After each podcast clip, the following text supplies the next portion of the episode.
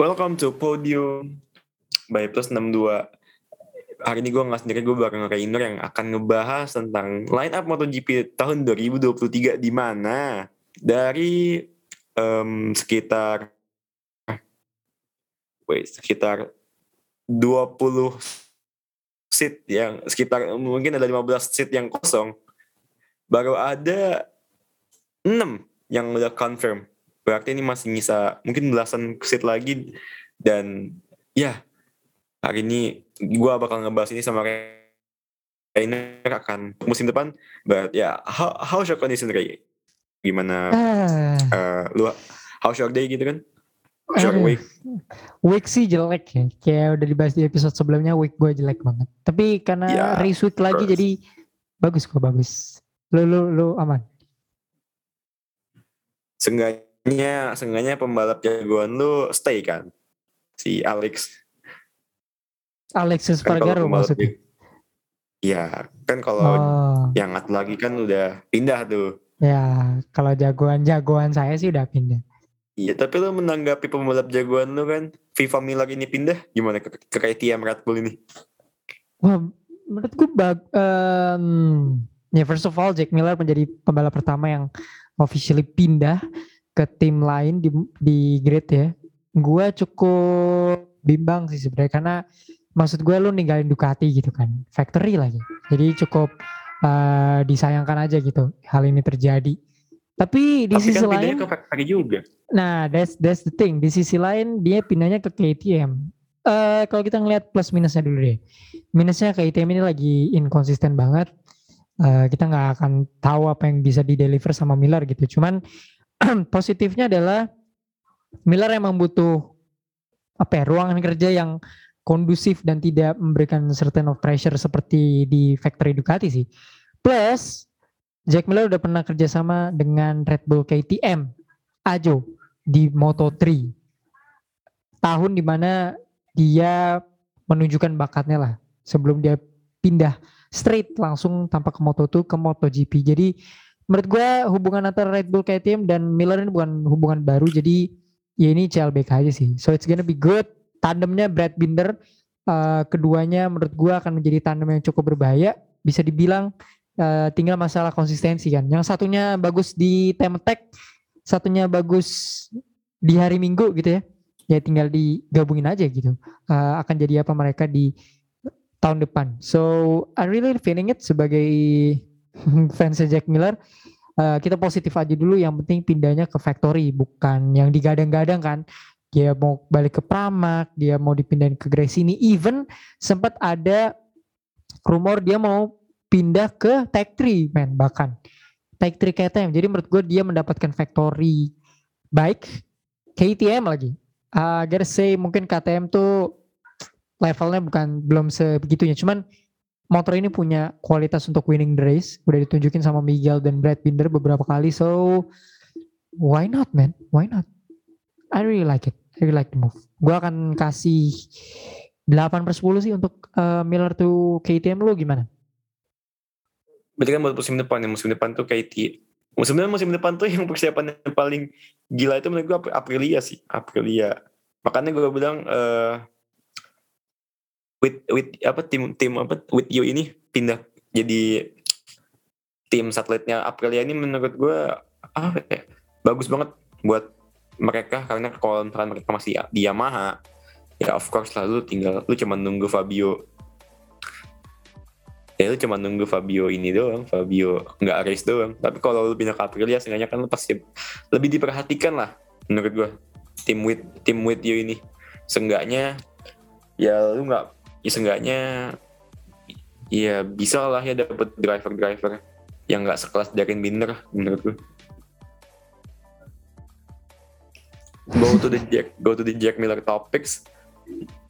Jack Miller ini kan kita tahu talent talentnya memang ada. Di Pramac di gue kita tahu kayak apa. Di first office career di Honda kita tahu eh, ya kayak apa ininya skillnya. But sebenarnya KTM ini nggak nggak kayak Yamaha pindah ke Ducati ya ini ini sebenarnya motornya have the same type gitu kan sama-sama V4 kan ya Mhm, mhm. sama-sama sama-sama kencang di straight line. Jadi gue rasa adaptasi nggak Jack ini sebenarnya nggak perlu adaptasi yang lama-lama sih dia. Gue yakin let's say 3 4 race juga udah mulai pasti udah pasti ini udah pasti nyatu. Hmm, Tapi yang hmm. jadi problem adalah KTM ini kan bukan tim papan atas. That's the thing. Betul, betul. Mengingat Jack Miller juga umurnya masih prime ya. Dengan ya gue kita kita nggak tahu musim depan KTM akan seperti apa. Tapi kalau dengan pandangan gue di musim ini KTM ini bukan tim papan atas. Oke lah dia bisa sekali sekali sekali gitu kan dongkrak podium. Tapi selain itu ya ya udah mereka cuma penghias P10, P11. Nah permasalahan Jack bisa nggak setiap minggu bawa ini motor ke P10 ke top, top ke top 10 kan itu permasalahannya. Ya. Brad bisa, Brad Binder tuh bisa, Miguel nggak bisa. Apakah Jack bisa? Nah ini ini akan jadi pertanyaan. Apakah Jack bisa seperti Brad Binder? Karena Brad Hmm. Binder, Brad Binder kita tahu Sunday driver banget. Ya. Dia, dia walaupun nggak nggak nggak always dibawa ke P10 tapi dia bisa, dia konsisten. Miguel, gue nggak tahu itu orang kenapa bisa menang 4 kali race. Gue itu tuh gue nggak gue gue gue suka Miguel. Gue suka Miguel gue suka Miguel. Tapi gue nggak ngerti gimana caranya dia bisa menang 4 kali race dengan performa musiman dia yang kayak gitu. But Jack pasti ya pembalap yang lebih konsisten. Tapi ya lu kalau balapan di midfield ya beda lah kalau sama balapan di top 5 di top 5 kan sometimes ya gue itu sering ngeliat di top 5 itu gapnya kejauhan sama di depan dan buat ke belakang juga kejauhan jadi udah enak aja nerima clean air. Tapi kalau di midfield, midfield itu jarang gua ngelihat kondisi di mana lu nggak battle. Nah ini yang akan seru. Mengingatkan Jack Miller katanya ada sedikit, eh gue ngomongnya apa? ya, Agak ada sedikit kelainan ya yang bikin dia apa secara physically nggak bisa kuat gitu. Nah ini yang akan jadi pertanyaan apakah Jack kuat bersama KTM di midfield musim depan? Cuman Jack over pengalaman yang jauh lebih oke dibandingkan Miguel Oliveira gitu. Jelas menurut gue dan ya the question is is he will be better dibandingkan Brad Binder. Itu aja dulu deh kita ngomongin dia sama teammates-nya dulu aja. Yang tipikalnya standard ri- rider, racecraft-nya jauh lebih baik dibandingkan Jack Miller. Cuman masalahnya Brad Binder kan adalah dia execute di hari Sabtunya kan. Beda sama Jack Miller yang kita tahu starting gridnya selalu bagus walaupun akhir-akhir ini tidak begitu gitu ya. Cuman Jack Miller bisa provide itu gitu. Jadi ini tinggal masalah Miller finish uh, delivering setiap minggunya sih itu jadi masalah dia karena gue yakin despite ini tadi lu ngomong katanya ada midfield team well gue rasa Jack Miller ke depan khususnya musim depan akan ada di top 10 sih. Dia nggak akan turun di bawah 10 dan segala macam dengan environment tim yang bagus dan segala macam. Cuman eh, ini kan matter of gimana Miller take it seriously gitu. Take it seriously by I mean itu selama race-race terakhir kita lihat Miller itu udah gue yakin dia sejak udah yakin bahwa dia tidak ada di Ducati itu udah performanya angin-anginan banget. The last race di Catalunya dia di bawah P8 di Mugello yang notabene sirkuitnya Ducati dia kesulitan banget untuk tembus P10 gitu. So uh, I don't know with him what's going on untuk seorang Jack Miller terutama di tiga race terakhir ini. So dia harus memperbaiki setidaknya performanya dulu di Ducati karena heading into KTM sih segalanya tidak akan mudah juga gitu. Walaupun tadi lu bilang butuh 3-4 race Jack Miller musim depan adaptasi, but SC16 tuh diketahui sebagai motor yang bisa dibilang cukup sulit untuk ditaklukkan gitu. So we'll see. Tapi gue yakin KTM adalah motor material yang bisa membawa lu juara seri. Itu tantangannya Jack Miller untuk mendeliver karena dia adalah salah satu pembalap paling senior di grid saat ini. Kalau kita kesampingin likes of Marquez, Espargaro dan uh, Espargaro dan Dovi, Miller tuh salah satu yang paling senior gitu. Walaupun dia langsung jumping dari Moto3, tapi dia lebih senior dibandingkan Alex Rins, dia lebih senior dibandingkan this young rider gitu. Dia sama seniornya dengan Maverick Vinales gitu. So we'll see apa yang Miller bisa offer dengan KTM. Tapi kalau gue boleh ngomong soal Miguel Oliveira, banyak yang mempertanyakan di sebenarnya kenapa KTM tuh berani uh, ngelepas Oliveira dibandingkan Binder gitu. Oliveira udah menang empat kali, udah podium tiga gitu. Uh, orang tuh kadang suka ngelihat statistik aja gitu. Menurut gue, kalau kita ngebandingin Brad Binder sama Miguel Oliveira, secara statistik kemenangan ya jelas jauh lah. Binder cuma menang dua kali, Miguel udah menang empat kali gitu. Tapi lu harus lihat Miguel Oliveira setelah menang eh di luar menang empat kali itu posisinya ada di mana. Brad Binder setelah menang dua kali posisinya di mana. Siapa yang lebih banyak deliver ketika mereka nggak menang gitu kan. Dan menurut gue jawabannya jelas adalah Brad Binder. Lu lihat deh posisi championshipnya mereka berdua gitu. Brad always in the top. Musim lalu bahkan dia ada di posisi ke-6 pak. Posisi ke-6 and nobody realize bahwa Brad Binder ada di posisi ke-6. In the championship. Jadi menurut gue it's it's a right call untuk KTM get rid of Miguel Oliveira karena Oliveira benar-benar udah nggak bisa perform lagi gitu nggak bisa perform by I means podium position seperti yang seharusnya dia tunjukkan gitu. In the last race he's good. Tapi in the next race is is he good? Enggak nggak tahu. Uh, isunya Oliveira kan selalu kayak gitu. Dia race selanjutnya bisa content for the win gitu. Tiba-tiba bisa menang kayak di Mandalika. Race selanjutnya dia ke mana? We didn't know man. He's the most inconsistent rider in the grid right now menurut gue so yeah, it's it's a good it's a good way lah untuk kayak tim dan kita nggak tahu nih Miguel Oliveira ke mana sekarang banyak kursi yang kosong so what do you think about the the the lost seat ini Miguel, gue rasa Miguel udah udah fix ya. Besok kan uh, ini mau ada rapat tuh jam 6. Ya kan, pokoknya apa nungguin jam 6. Gue nggak tahu di upload kapan. Kayaknya hari Kamis jam 6 itu bakal ada pengumuman nama Racing Racing dia bakal ingin pembalap baru yang pasti ya secara nggak langsung akan mendepak either Fabio atau uh, Enea. Enea. Karena gue yakin Miguel ini udah tinggal di announce saja sih sama Racing Racing ini. Segitiga, segitiga dalam artian Jack ke KTM, Miguel ke Gresini. Nah nanti ini Gresini yang ada nggak yang ke Ducati ini ya? Karena gue rasa Ducati Ducati ini akan sangat-sangat bingung ya karena kalau kita ngomongin musim ini yang namanya Jorge Martin sama Ene ya sebenarnya kalau gue boleh jujur ya secara poin kan mereka mirip-mirip sekarang di standings. Ene demen jatuh Jorge juga demen jatuh. Oke okay lah Ene deliver more wins tapi dia sering make a mistake yang kayaknya kalau jadi pembalap pembalap Ducati lu ngelakuin mistake itu ya lu dadah-dadah aja udah. Yep. Miguel Miguel ini gue rasa udah fix ke Grace ini tapi nanti siapa yang akan didepak sama Grace ini sih yang asik siapa yang akan dibuang sama Grace ini apakah Ene yang akan naik ke Ducati atau Fabio DJ. yang akan dibuang iya Fabio DJ yang akan dibuang let's say ke mana gitu ke Munity maybe or pada karena gue rasa Fabio di ini Enggak, gue gue gue masih gue masih ini gue masih percaya sama talent dia loh. Tapi permasalahannya kalau Enya mau stay, kalau Enya mau stay terus Miguel ke sana, ya dia mau dia, dia mau ke mana? Nggak bisa lagi. Gue rasa juga LCR Honda ini udah memprioritaskan pembalap-pembalap motor tuh mereka ya ada siapa namanya si si pembalap Jepang tuh gue lupa namanya Ai Ogura ah, ya Ai Ogura anak-anak Honda kan lagi pada bagus di, di Moto2 musim ini.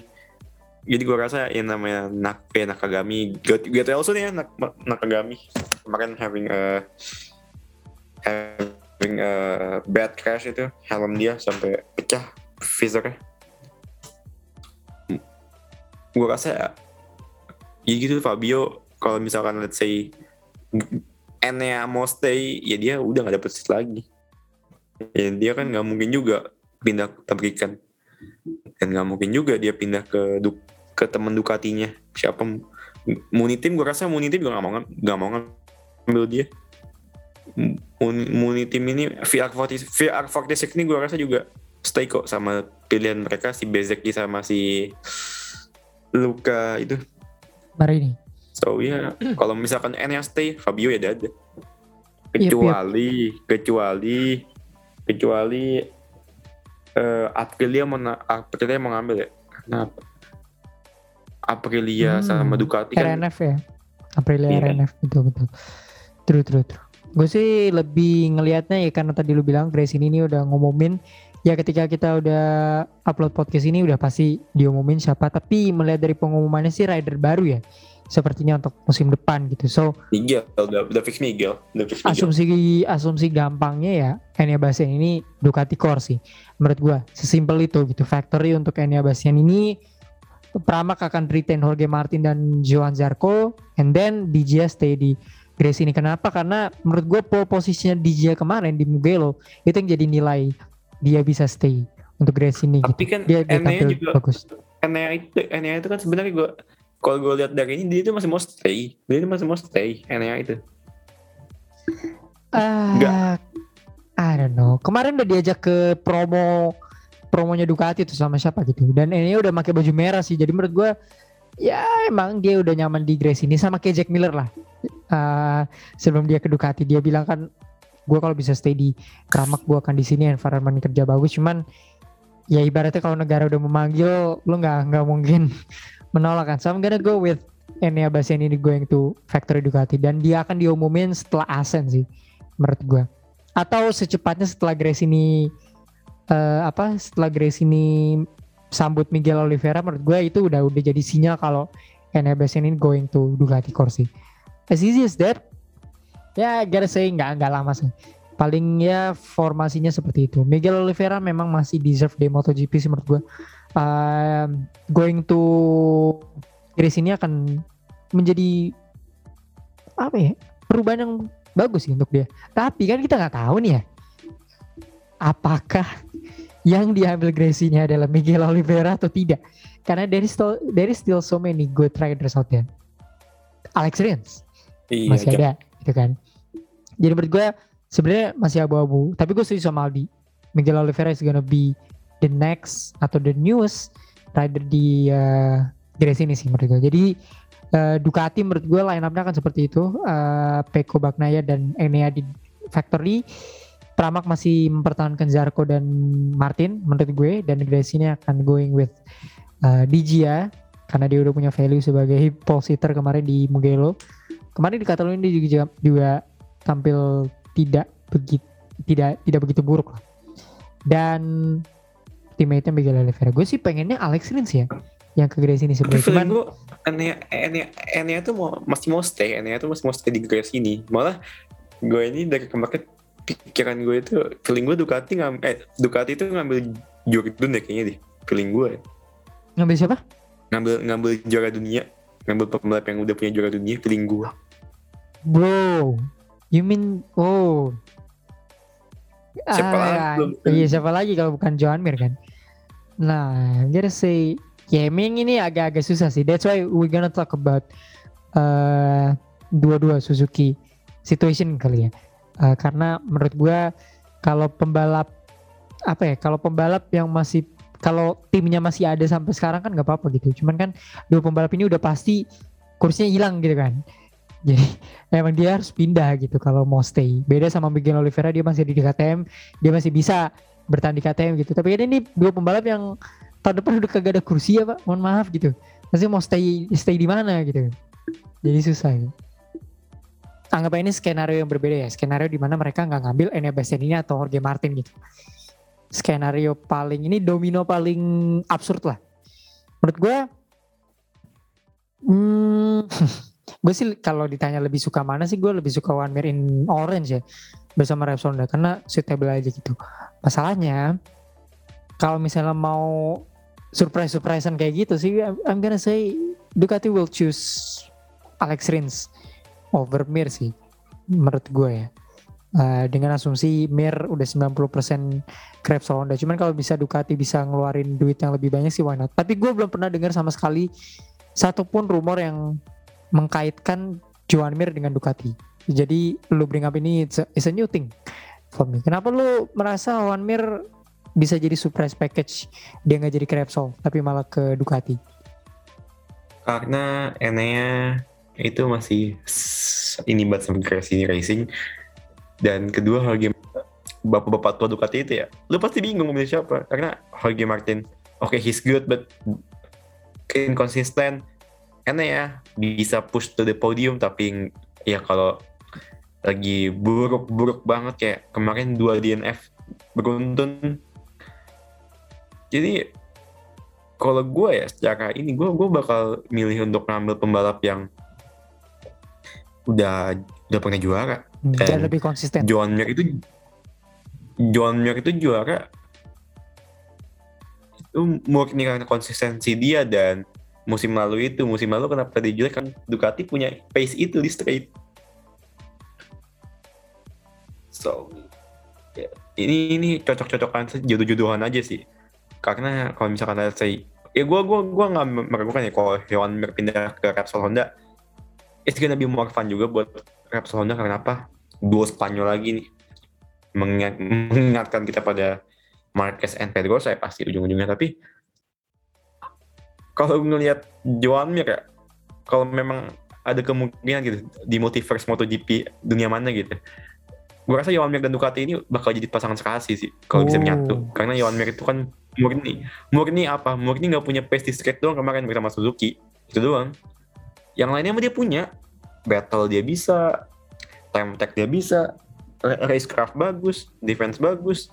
Tapi memang apa? Memang motor nggak bisa support di straight doang. Kan gue bilang ya why not Ducati yang ambil Joan Mir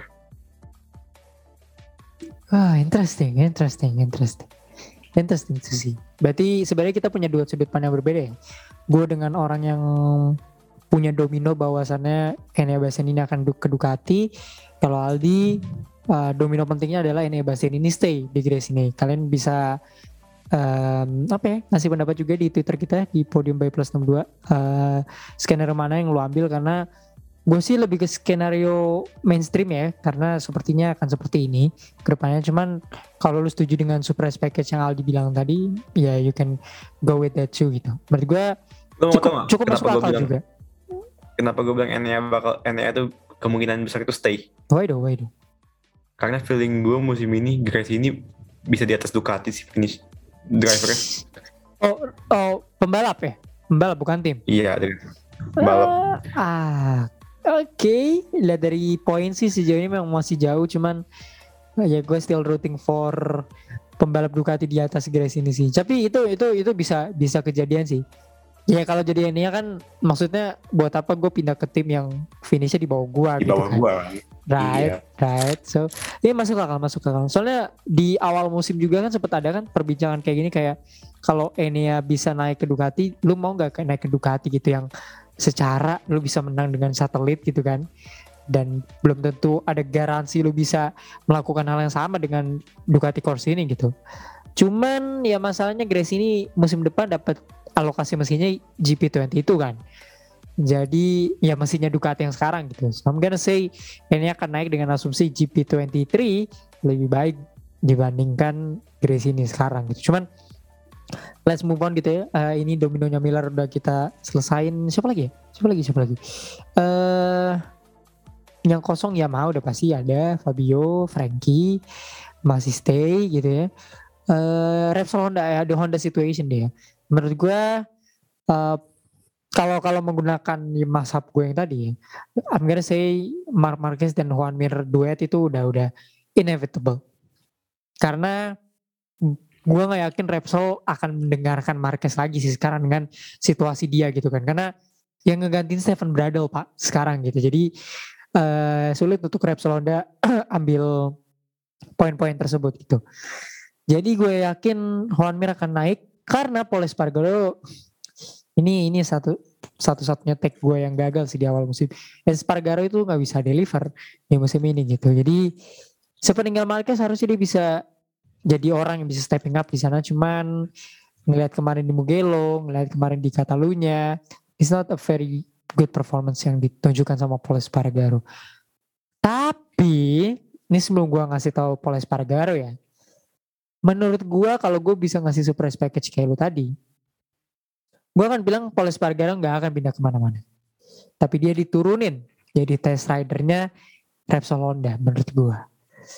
Banyak orang spekulasi dia akan kembali ke KTM atau LCR kan. Cuman dua itu yang paling make sense untuk Paul Espargaro. Tapi karena Red Bull KTM sekarang udah ngambil Jack Miller sebagai pembalapnya, gue gak yakin Paul Espargaro itu mau nerima motor Tech 3. Udah pasti lu kalau nggak ke LCR ya fighting your place untuk berada di Repsol kan. Cuman ngeliat dari situasinya Mark Marquez sekarang, daripada lu ngebalapin Stefan Bradl mending Paul Espargaro gak sih menurut gue ya? Jadi ya ini sebenarnya Anabel aja sih analisis gembel ya. Jadi menurut gue ada kemungkinan di sana Paul Espargaro akan jadi test ridernya Repsol sih. Melihat kondisi Mar Marquez yang sepertinya ada kemungkinan dia bisa absen ke depan-depannya kan. So instead of lu, lu naruh Stefan Bradl why not penggantinya Marquez tuh Paul Espargaro gitu. Cuman karena sulit gitu. Gue yakin LC Honda Idemitsu bakal naikin Ai Ogura itu udah udah pasti banget menurut gue. Menggantikan Takana Kagami itu Ai Ogura. Berarti kan ada satu lagi kursi di LCR Castro itu antara Alex Marquez atau Paul Espargaro. Cuman cuman itu yang lagi diperebutkan di Honda gitu. Jadi menurut gue Honda should make a choice tentang menjadikan Paul Espargaro sebagai test rider sih. Tapi gue yakin Paul Espargaro nggak mau hal ini terjadi gitu karena di luar tim-tim selain Repsol yang tinggal nyisa kan RNF, Aprilia, uh, and what? Tech 3 udah. Itu suitable place kalau Paul Espargaro nggak mau di Honda lagi. Tapi gue yakin ini akan jadi pilihan tersulit sih untuk dia. So I'm gonna say Honda sih akan ambil approach itu sih menurut gue menurut gue that's the most logical one untuk Paul dan Honda sih ngambil Joan Mir kalau dari lu gimana siapa yang akan ke Repsol siapa yang akan gantiin Taka dan apakah Alex akan stay?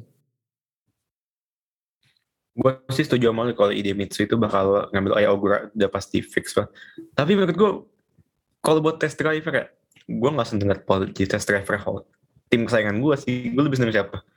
Manggil tuh mantan lagi dia dia lagi dan Ipa Pedrosa lagi. Mending gue manggil dia buat tes driver ketimbang Paul. Gue nggak gue nggak ngeliat Paul ini oke gue rasa dia bisa ditukerin ke tim satelit karena apa? Karena ya Nakagami gue rasa udah selesai ya. Udah udah udah udah clear kecuali dia bisa comeback musim sisa musim ini dan musim depan. Duet Jepang tuh Ai Ogura sama Nakagami dia tuh di Demitsu. Kalau buat Capsule buka buat kapsul, kapsul Hondanya ya of course Joan Mir ini udah komoditi panas sih. Dia dia itu bahkan sebelum Suzuki bubar ya sebelum Suzuki bubar udah diincar sama ya, Honda. Udah lama emang. Jadi gue kan Joan Mir and Marquez ini duet. Ini tinggal nunggu waktu diumumin aja sih Marquez sama Joan Mir ini. Lagi pula juga Paul sekarang 31 tahun gue gak ngeliat dia punya sekarang masih spesial. Minimal Paul gak gue gak ngerasa Paul itu spesial kayak gak ada spesial spesial Paul. Ya, ya oke he's, he's uh, good driver gitu kan ya. Kayak punya something yang different aja. Nah, kan gue bilang kalau ide itu musim depan mau duet Jepang dua-duanya ya udah ada Paul. Tapi kalau ide itu cuma mau ngambil Aya Ogura dari Jepang ya udah Paul masih bisa dapat di Idemitsu dan ya Johan Mir gue rasa bakal di Repsol karena gue gak ngeliat kemungkinan Alex akan naik ya. Alex Marquez bakal naik ya. Atau Nakagami.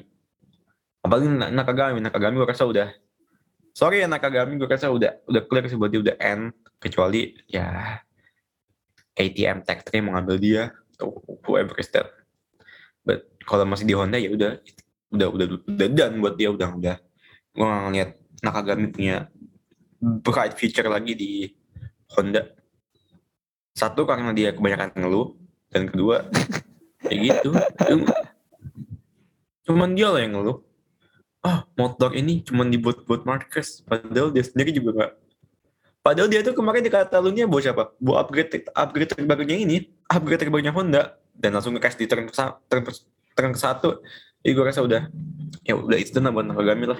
Lu udah dikasih upgrade upgrade bagus. Terus lu nyanyi gitu kan dengan crash crash kayak gitu. Kemarin di Catalunya. Walaupun memang crashnya serem ya. Harus gue akuin tuh crashnya. Uh, ya laki lah buat alhamdulillah dia nggak nggak kenapa-napa. Tapi tetap aja pak lu bawa upgrade baru motor terus langsung crash kayak gitu. Ya udah lu tinggal nunggu di, di, dadahin aja. So gue rasa Honda ya Johan Mir Marquez di ini dan satelitnya ya kalau nggak Ayo Ogura sama Paul ya Ayo Ogura sama Nakagami. Kalau emang Idemitsu mau mau dua Jepang bener-bener Okay. Tapi kayak kayak menurut, menurut Nakagami udah end udah end sebelum. Obviously, udah, udah, man. Obviously, man. Obviously. 98% sih. Dua persennya lagi ya tergantung performa dia karena menurut gue Nakagami is a very good rider. Cuman emang the matter of bad luck aja sih. Dia ya ya karena gue yakin tidak ada tim yang akan mau mengambil dia karena kalau misalnya pakai skenario yang satunya lagi, Paul di LCR Castrol, Ayogura di LCR Demetsu, berarti Alex Marquez dan Taka kan keluar dong. Menurut gue Alex punya kesempatan stay MotoGP lebih besar dibandingkan Nakagami dan udah ada kabar Nakagami udah di pitching sama Honda di Superbike gitu. So ya why not, why not. Walaupun Honda di Superbike tidak sebaik Honda di MotoGP ya, sama buruknya gitu bahkan. Tapi ya daripada tidak berkompetisi sama sekali gitu kan. Nah, Taka tuh still had a very good talent untuk berada di kompetisi motorsport teratas dunia lah. Cuman cuman sayang MotoGP ini uh, berkurang dua posisi lagi gitu. Jadi harus ada ya setidaknya dua pembalap yang harus cabut dari MotoGP gitu. Sayangnya. And salah satunya adalah Takaki Nakagami gitu menurut gue. Harus gitu, gue salah nyebut tadi gue nyebutnya LCR Honda bukan Idemitsu Honda. Salah lagi gue nyebutnya. Iya cuman beda sponsor aja. Satunya lagi akademi Jepang sih lebih lebih tepatnya. Uh, jadi masukin pembalap-pembalap Jepang. LCR juga ini. Akademi Jepang juga tuh LCR sponsornya uh, itu kalau nggak apa ya? Sponsor Jepang juga sponsor iya Ide, Idemitsu kalau sponsor satunya lagi oh, iya, Castrol. Yang di Alex Marquez. Tuh Uh, apalagi ya, apalagi ya? Yang masih kosong berarti Tektrik KTM. Satu satelit dong kan? Tektrik KTM sama dong. iya Aprilia. Kalau Viera 46 gue rasa gue setuju sama lu. Uh, mereka masih bakal retain best sama Marini. Unless, Paling Marini sih. Ya, feeling gue bisa diganti Vietti. Unless itu bisa terjadi. Menurut gue itu masih ada shake antara tiga pembalap ini. Best, Marini sama uh, Vietti sih. Karena Vietti Viet ini masalahnya dia kan selalu bad luck ya. Kadang udah di depan, kadang kenapa-napa gitu. Tapi dia masih leading championship by a fine margin. Jadi itu masih up for the grab sih. Uh, paling yang lagi kosong ini nih.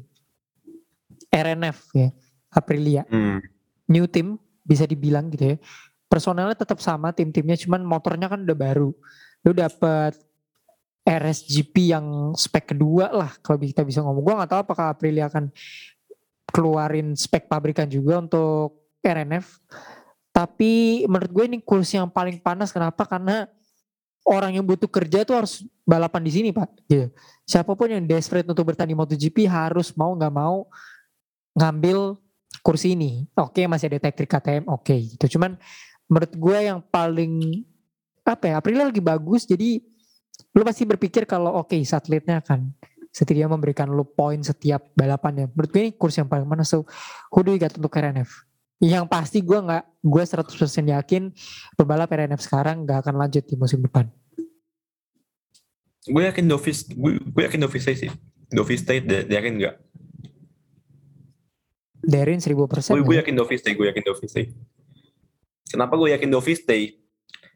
Karena Aprilia itu sebelum masuk ke MotoGP, eh, sebelum ini MotoGP, dia itu pembalap yang dia injak pertama siapa? Dovi. Dovi. Ya bukan benar-benar Dovi dan Dovi kan ya sayang aja waktu itu matanya nggak terbuka dan ya nggak ada salahnya kan buat nyoba lagi. Lagi pula juga Dovi masih bagus kok menurut gue. Bener deh gue gue rasa Dovi Dovi Dovi ini masih bagus deh. Cuma karena musim ini dia di ini ya. Memang musim ini sepertinya yang namanya Yamaha itu penuh dengan ketoksikan duniawi ya. Nggak cuma di pabrikannya, satelitnya juga. Jadi gue rasa memang karena toxic doang musim ini. Tapi gue rasa musim depan Dovi bakal stay sih di situ. Pendampingnya doang sih, pendampingnya mungkin bisa siapa pembalap Aprilia yang ini? Alex Rins lah doang sih menurut gue. Alex Rins obviously. Iya. Cuman dia yang bisa providing ya berarti Aprilia bakal diisi veteran sih. Soalnya gue berarti kalau Alex Rins masuk berarti veteran semua isinya gak ada pembalap Tapi yang memang kayaknya muda gitu. Aprilia ini Aprilia ini kayaknya tim satelit yang paling niat deh nanti musim depan. Benar deh. Menurutku mereka paling niat loh. Karena apa? Karena gue apa ya? Gue ngeliat dari body language mereka ketika mengumumin kalau RNF akan gabung sama Aprilia. Mereka ini kayak nggak kayak tim timan tim timan kan tim satelit ya udah tim satelit aja kalau mereka nggak mereka mau kayaknya ah gue punya empat motor nih kayak gitu feeling mental gue kan mental mereka tuh kayak gitu mental mental gue punya empat motor nih pengen gue menangin semua kan gue bilang ya bisa aja empat pembalapnya pembalap, empat pembalap senior semua musim depan Hmm, interesting. ya lu nggak tahu kan tiba-tiba dia ngambil Pedrosa dinaikin gitu ya balapan lagi gitu. Cuman I'm gonna go with Alex Rins sih. Itu udah ya itu menurut gua nggak ya gua gua sangat menyesalkan kalau Alex Rins gak punya kursi musim depan. So it's either Tech 3 KTM yang menurut gua gue cukup ragukan sekali tim ini atau RNF Aprilia. Jadi menurut gue Alex Rins going going to go there sih. Penurunan karir sedikit tapi why not untuk percaya kepada Aprilia gitu berkaca atas apa yang terjadi musim ini aja. Gitu. So that means tinggal ada dua kursi lagi yang kosong karena Tech 3 ini nggak tahu mau memperpanjang. Udah pasti Raul Fernandez out. Dan gue yakin dia akan balik ke Moto2 somehow gitu ya. Dan Remy Gardner. Ini dua pembalap menurut gue punya talent yang sangat-sangat bagus. Tapi KTM ini nggak sabaran banget. Terutama Tech 3 ya. Tech 3 itu emang udah terkenal nggak sabaran banget gitu. Si Hervé Poncaral nih udah udah emang nggak sabaran banget gitu. But menurut lo akan mereka akan mempertahankan salah satu di antara dua rookie ini going big dengan nama-nama yang lebih fresh atau mempertahankan keduanya gitu. nggak tahu gue gue gue kayak tim taksi gue gue angkat tangan gue angkat tangan Siapa sih KTM di Moto itu sekarang Augusto Fernandez, Pedro Acosta men. Jangan lupa men. Men. man nggak itu pembalap siapa ya Eh temennya si Remy si Raul Fernandez. dia kan sempet ronde pembuka kasih kejarin binder karena dia bawa mot kata si Darin bawa motor kayak kayak kayak monyet bawa motor apa kayak hewan bawa motor dari dia ngomong gitu.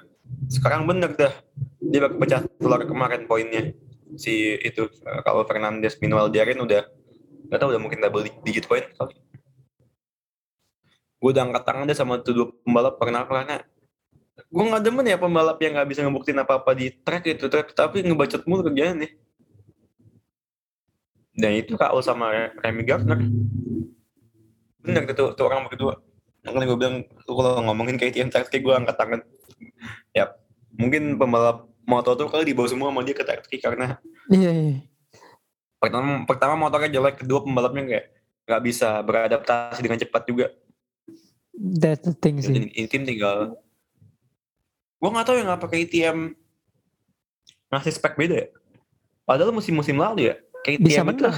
tim satelit tim satelitnya spek Bagus banget. ya speknya sama tapi musim ini kenapa dibedain coba? Wah, gue gue gak paham sama KTM padahal KTM kan bukan tim segede Honda gitu yang ya udah. Kenapa kenapa mesti dibeda-bedain speknya? KTM kan gue gak paham sih. Hmm, hmm. Cuman akan ada favoritism Pedro Acosta naik sih menurut gue dibandingkan Augusto Fernandez ya karena kan emang udah Dan digadang-gadang banget ya. Uh, walaupun Pedro Acosta nih musim ini gak begitu baik beberapa race awal ini dia udah menang sih sekali. Cuman eh menurut gue dibandingkan Augusto Fernandez yang bisa buat bahan jualan ya Pedro Acosta dan lebih muda juga kan. Eh, aset bagus Ya. lah. Tinggal siapa pendampingnya menurut gue still gonna be Remy Gardner ya. Nama bapak biasa gitu. Jadi Raul Fernandez tuh menurut gue akan kick out. So that means kita akan ada beberapa pembalap yang unemployed yaitu adalah Alex Marquez, Taka, eh, Raul Fernandez, Darren Binder. Most of them bakal kembali ke Moto2, gue yakin sekali. Ada nama-nama besar nggak yang kita miss out ya? Hmm, nggak ada ya sejauh ini. Johan Johan Johan still Nah, still with bukan, Pramac, still with Pramac lah menurut gue.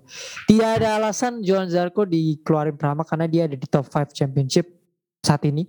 Jadi menurut gue dia tampil cukup oke, under the radar juga seorang Johan Zarco udah couple podium. Jadi menurut gue aman. Liverynya juga dari bagus. dulu pak gitu, Oh gitu ya gitu-gitu doang ya Johan Zarco.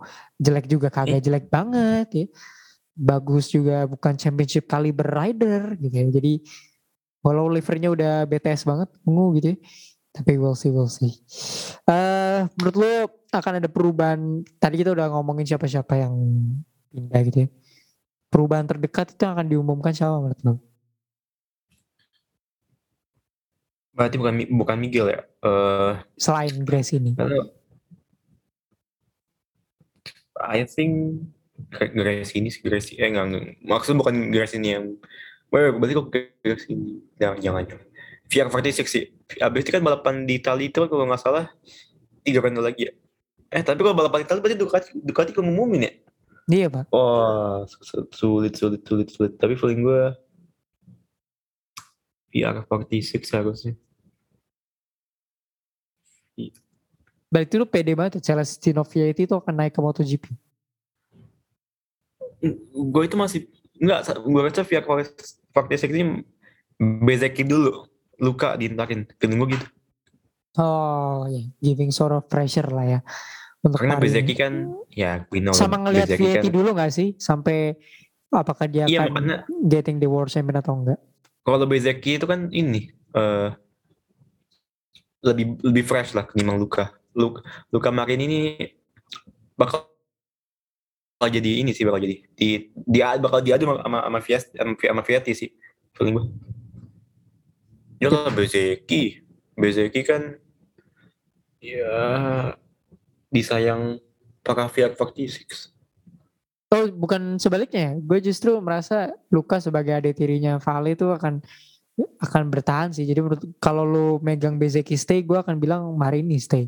Karena Tapi lu dia adanya. perform performa musim ini lebih bagus dari Bezeki menurut gue dibanding Ah, Luka I'm gonna say Luka Marini dia dia lebih konsisten beberapa kali masuk. Dia sempat Q3 eh Q2 couple times. Saya kalau kalau menurut gue sih Luka Marini Ah, performance wise ya.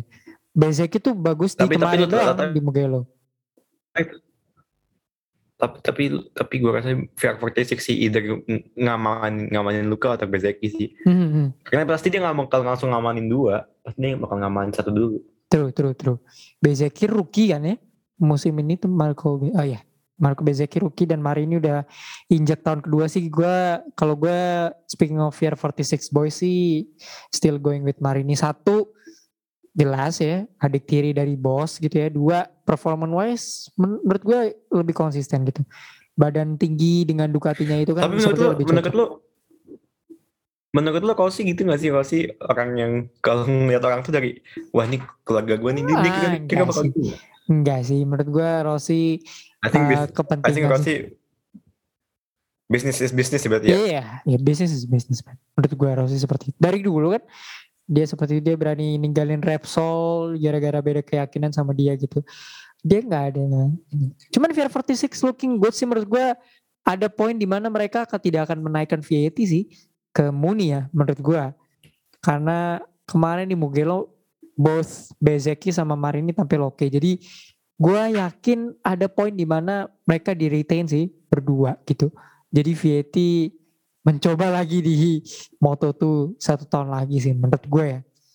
Karena kedua tampil bagus sih Best sama Marini menurut gue. Karena mereka berdua kan juga teammate dulu di Moto2 kalau gue gak salah ya. Best sama Marini juga. eh Peko juga jadi hmm, they stay, they stay in my opinion. eh habis Hansen Ring Asen menurut gue tergantung ya. Kalau misalnya Paul Espargaro nggak perform sampai summer break, kita menuju Silverstone udah dapat Repsol Honda baru sih. Pembalap baru dari Repsol Honda, which is John Mir obviously. Ah, Cukup disayangkan. Cuman to end the episode, kemarin Aldi ngasih tahu gue bahwa ada rumor selain rumor pembalap, yaitu masuknya manufaktur yang menggantikan Suzuki. Ya tadi kita udah ngomongin rider transfer, menurut lo berapa besar sih peluang BMW bener-bener akan jadi pemasok di MotoGP? Menurut lo aja sih. Karena gue yakin eh, Dorna nih lagi cari banget untuk yang nyari untuk yang gantiin Suzuki gitu. Udah udah udah pasti untuk Oh. musim depan gitu. Gue kalau jadi Dorna gue ketimbang ngambil Leopard Racing ya gue mending BMW BMW sih. Hmm. of course lah. Lebih menjual tapi sebenarnya BMW ini kan niatnya udah lama. Udah Banget. mungkin ada lima tahun. Heeh. lama banget. Cuman ketahan aja. Dan kalau ngeliat kondisi sekarang ya MotoGP oke lah mungkin pasarnya lagi nggak segede Formula One ya. Tapi melihat pasar yang dibangun oleh netizen kita ya ini nih pasar ini menurut gue salah satu pasar yang unik nih. Pasar yang dibangun sama netizen Indonesia di MotoGP. Gue rasa BMW juga tertarik sih ngambil ke MotoGP.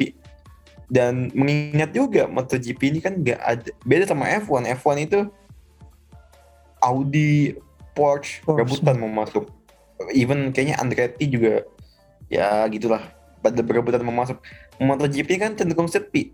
Ya BMW BMW sama Leopard kasarnya kan BMW tinggal naruh kaki dikit juga udah dapet seat kok udah dapet izin dua warna beda sama Leopard. Jadi gue rasa BMW chance-nya gede.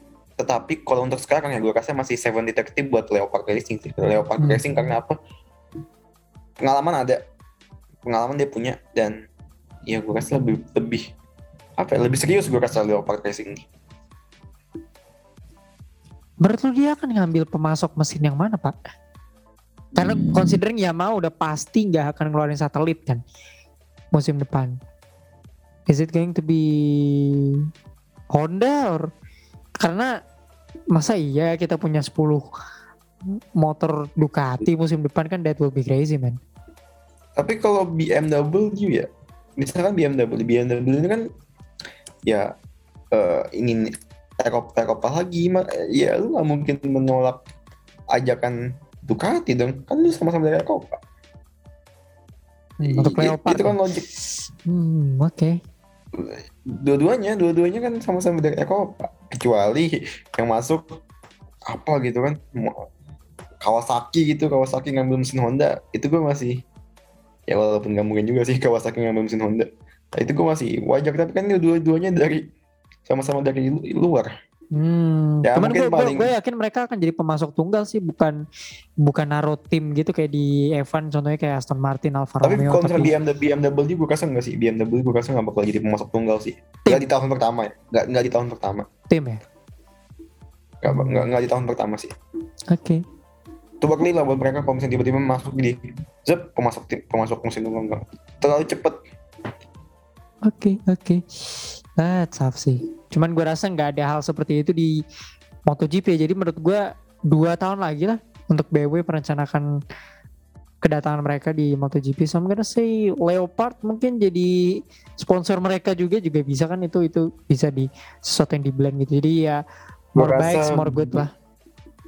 BMW ini akan nunggu ini nunggu konflik era wing selesai dulu sih. Still a long time to go karena Carmelo Espeleta juga ngomong 2027 kan baru ada perubahan regulasi lagi. Mungkin sejak itu baru kita bisa ngelihat. Cuman iya, ini masih jadi hal yang agak sulit buat MotoGP. Jadi buat lo yang nonton MotoGP ya, ya mungkin at least sampai 2025 kan persaingannya kan seperti seperti itu itu aja gitu. We won't see the same MotoGP we'll see we saw dari beberapa tahun terakhir sih. Cuman gue cukup interest dengan perubahan-perubahan yang terjadi di luar tracknya sih. I, I really interesting. Gue cukup tertarik dan menarik banget hal-hal kayak gini. Jadi level Twitternya Podium by Plus 62 juga pay attention di Twitter kita juga bakal ada thread tentang domino effect di perubahan-perubahan pembalap, tim dan kemungkinan-kemungkinan pemasok-pemasok baru datang gitu. Di Superbike BMW juga nggak jelek-jelek amat ya mereka punya Van Mark kalau gua nggak salah sebagai pembalap mereka. Eh Benz Be- Tom Sykes di di beberapa musim lalu juga ngebela BMW gitu ya. Troy Corser pada masanya juga ngebela mereka so uh, it's good gitu. Anything else you wanna add? Mungkin sebelum kita ending. Hmm, Masing top track for 2024. Frankie tuh kontraknya sampai 2024 ya berarti dia cuma punya satu tahun lagi untuk stay. Gue setuju dengan itu. Kita lihat Frankie Top. dulu ya. Kita lihat Frankie dulu. Gue yakin Toprak Gak juga. bakal tuh Frank. Frankie itu sampai musim depan gak bakal bagus. Orang Linjar udah udah body language-nya udah ini kok udah Fabio Fabio Fabio mulu. Kayak. Gak bakal tuh cuman susah gua sih Top, Frankie. Toprak tuh orangnya agak eh, egosentris juga. Dia nggak mau dijadiin pembalap nomor 2 kan dia Tapi Toprak itu apa ya salah satu driver paling gila kalau gue liat racing style Hmm, I agree with that.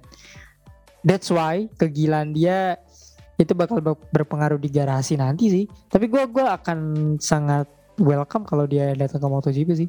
He deserve to be banget here. banget He deserve to be there. racing style dia tuh beda pak dia ngambil dari orang pada ngambil dari outside apa pad eh exit corner pada pelan dia ngambil dari outside nih exit corner kan ngebut dia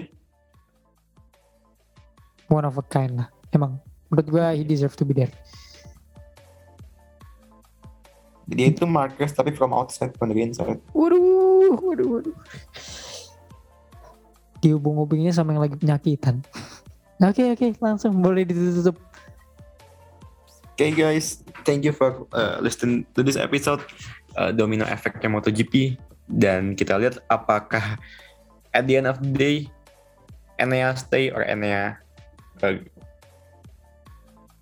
Enea go to the Italy. Kalau guys ini Italy juga sih sebenarnya tapi apakah Enea akan stay atau dipanggil oleh negara? Nah itu akan jadi pertanyaan di akhir musim.